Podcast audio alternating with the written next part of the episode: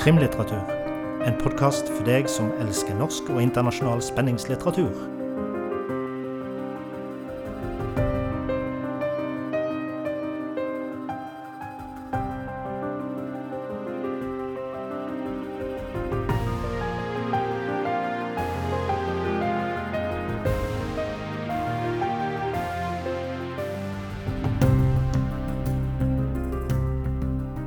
Velkommen til en ny episode av podkasten Krimlitteratur. Denne episoden har vi kalt for Kjærlighetssvindel. Og det er en helt spesiell grunn til det. Det er jo at Hanne Kristin Rode ga ut en roman i sommer som heter 'Kjærlighetssvindel'. Og i dagens episode så har vi fått besøk av henne. Hanne Kristin Rode, velkommen til oss. Tusen takk. Veldig hyggelig. Du, eh, du kom jo ut med en bok som heter 'Kjærlighetssvindel'. Og det første jeg tenkte på da, det var jo den episoden jeg så med deg, bl.a. blant annet, eh, på Åsted Norge for eh, ja, det er vel et par år tilbake nå. Eh, som dreide seg om akkurat dette med kjærlighetssvindel. Jeg har forstått at du var inspirert av virkeligheten når du skrev denne boka. Ja, det er helt riktig. Vi hadde jo en eh, kvinne et par år tidligere på Åsted Norge. Eh, Et par og 80 år, som da hadde forelsket seg hodestups i en amerikansk eh, marineoffiser. Neppe det sånn egentlig, men forelskelsen var sterk, og hun tok opp lån og pantsatte hus. Og det er veldig dramatisk. Og jeg husker jeg tenkte dette er innbrudd i kjærlighetslivet ditt. Det er innbrudd i følelseslivet. Det er innbrudd i følelsene dine. Og så begynte redaksjonen i Åsted Norge å få brev. Og så fikk de et brev fra en kvinne, professor, som jobbet i Bergen, eh, på sykehuset der. Og eh, hun hadde utbetalt 12 millioner kroner til en som hun hadde innledet et forhold til på nett. eh, Som selvsagt ikke var den han var. Hun kom i studio, og hun var med på en livesending, og jeg fikk en enorm respekt for henne, fordi det å kle seg naken foran mellom en halv til en million seere, og faktisk fortelle hva du har gjort, um, og vite at veldig mange, kanskje godt over halvparten, vi tenkte 'er du tjukk i huet'? Men det er ingen av oss som vet hva et annet menneske bærer på i ryggsekken. Vi er jo på mange måter som Ludvig til Kjell Aukrust, som bærer på denne ryggsekken med store øyne. og Der har vi gode opplevelser, og der har vi dårlige opplevelser. Um, og jeg husker ikke hva jeg sa på direkten, men jeg husker hun sa etterpå 'nå reddet du livet mitt', og det syns jo jeg var veldig sterkt. Eh, Jeg tror faktisk fortsatt ikke det var jeg som gjorde det. Det tror jeg hun greide fint selv. Men jeg fikk en inspirasjon, hvis vi kan bruke et så vanvittig uttrykk, til noe som er så katastrofalt berørende. Og jeg visste at boka skulle hete 'Kjærlighetssvindel'. Eh, og jeg visste at det ble veldig vanskelig å skrive den. Um, men jeg visste også at den er viktig. Den er viktig langt forbi et krimplott. Kan du fortelle litt om eh, selve konseptet kjærlighetssvindel? Hva er det det går ut på? Altså, Hvordan går en svindler fram for å, lure folk på denne måten? Det finnes sikkert veldig mange fremgangsmåter, men denne fremgangsmåten jeg da fikk innblikk i fordi denne professoren betrodde meg mange av sine dokumenter, det handler jo først om at du får en litt sånn tilforlatelig henvendelse i et kommentarfelt med 'Du, jeg har lagt merke til deg. Du er vakker. Du er spennende. Du virker intelligent. Jeg har så lyst til å bli din venn.' Og er du ensom, eller er det noe i deg Jeg skal jo ikke karakterisere menneskene, men no, det er en streng som blir truffet, og så blir du venn. Og så er det veldig rosenrødt. Det er veldig mange komplimenter. Eh, og etter hvert så blir dette som narkotika. Det blir som en rus. Du våkner opp om morgenen til 'You are maybe the most beautiful woman I have ever met'. Det er ofte kvinnene som blir eh, svindlet, sånn som jeg har lært å kjenne. Eh, og så blir du litt avhengig av å få den bekreftelsen på hvor fantastisk du er. Og så, etter en viss periode, så har de plutselig enten mistet telefonen, eller moren har blitt syk, eller det er et eller annet de trenger penger til, og jeg vet ikke helt hvordan jeg skal løse dette, men da begynner du å si Kanskje man til og med tilbyr seg Du, jeg kan hjelpe deg. Jeg har nok penger. Jeg kan hjelpe deg. Og så øker da intensiteten både i hendelsene og kravene. Og på ett punkt så brekker det over. Det er da det begynner å bli veldig veldig alvorlig. Eh, for hvis man sier vet du hva, jeg har ikke de pengene, da går de rett inn med en veldig sterk manipulerende tone. 'Du er ikke den jeg trodde du var'. Og da har du kanskje et halvt år De har tålmodighet så det holder. Har du sittet et halvt år og hørt at du er det absolutt det mest vidunderlige i hele verden, og jeg skal snart komme til Norge, og vi skal kanskje gifte oss, og det er ikke måte på alt som skal skje. Og så får du altså et tupp bak om at eh, du er jo virkelig ikke den jeg trodde du var. Og da begynner de å låne penger. Da begynner de å pantsette husene, for de må jo vise at jeg er jo den du trodde jeg var. Og så tømmer de kontoen, og de tømmer deg for selvtillit, og de tømmer deg for alt, og du betaler og du betaler og du betaler.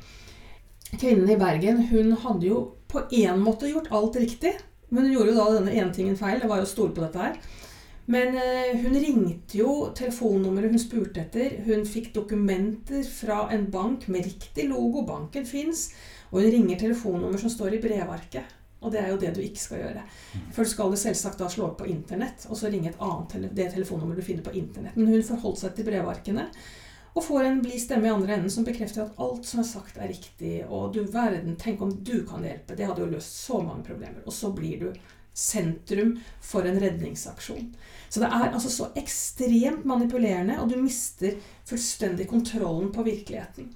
Så hvis jeg skulle tillate meg å gi et råd med den ringe kunnskapen jeg har, for det er ikke jeg som sitter på mest kunnskap, så er det jo hvis du vil sjekke, så må du gå på internett, og du må finne andre telefonnumre, og du må sjekke at de lenkene og det du får oppgitt av navn og telefonnummer, stemmer med det som står i de brevene du får kopi av. Dette er jo I hvert fall var det litt nytt for meg når jeg eh, hørte om dette første gangen på Åsted Norge. Men, men det, det, er ganske mange der ute som har blitt lurt på denne måten opp gjennom årene. Og går det an å si at det er noe skam forbundet med det? Ja, jeg tror det er en enorm skam forbundet med dette. Fordi man føler seg så lurt. Og det er ingen av oss som liker å bli lurt. Jeg syns jo til og med sånn eh, små humoristiske narrerier i komiserier kan være pinlig. Altså, jeg får jo en sånn ekkel følelse av det. Så, så, jeg har jo en veldig lav tålegrense. Men jeg pleier jo å si da at hvis det kommer en med en gul Lamborghini som freser opp og ringer på støren og sagt vet du hva, jeg har sett på deg, du hadde kledd denne bilen så bra, vil du kjøpe den for x antall millioner? Og du sier ja, det hadde jo vært ganske tøft, for du blir litt smigret av en gul Lamborghini. Ja, det hadde vært veldig gøy å ha.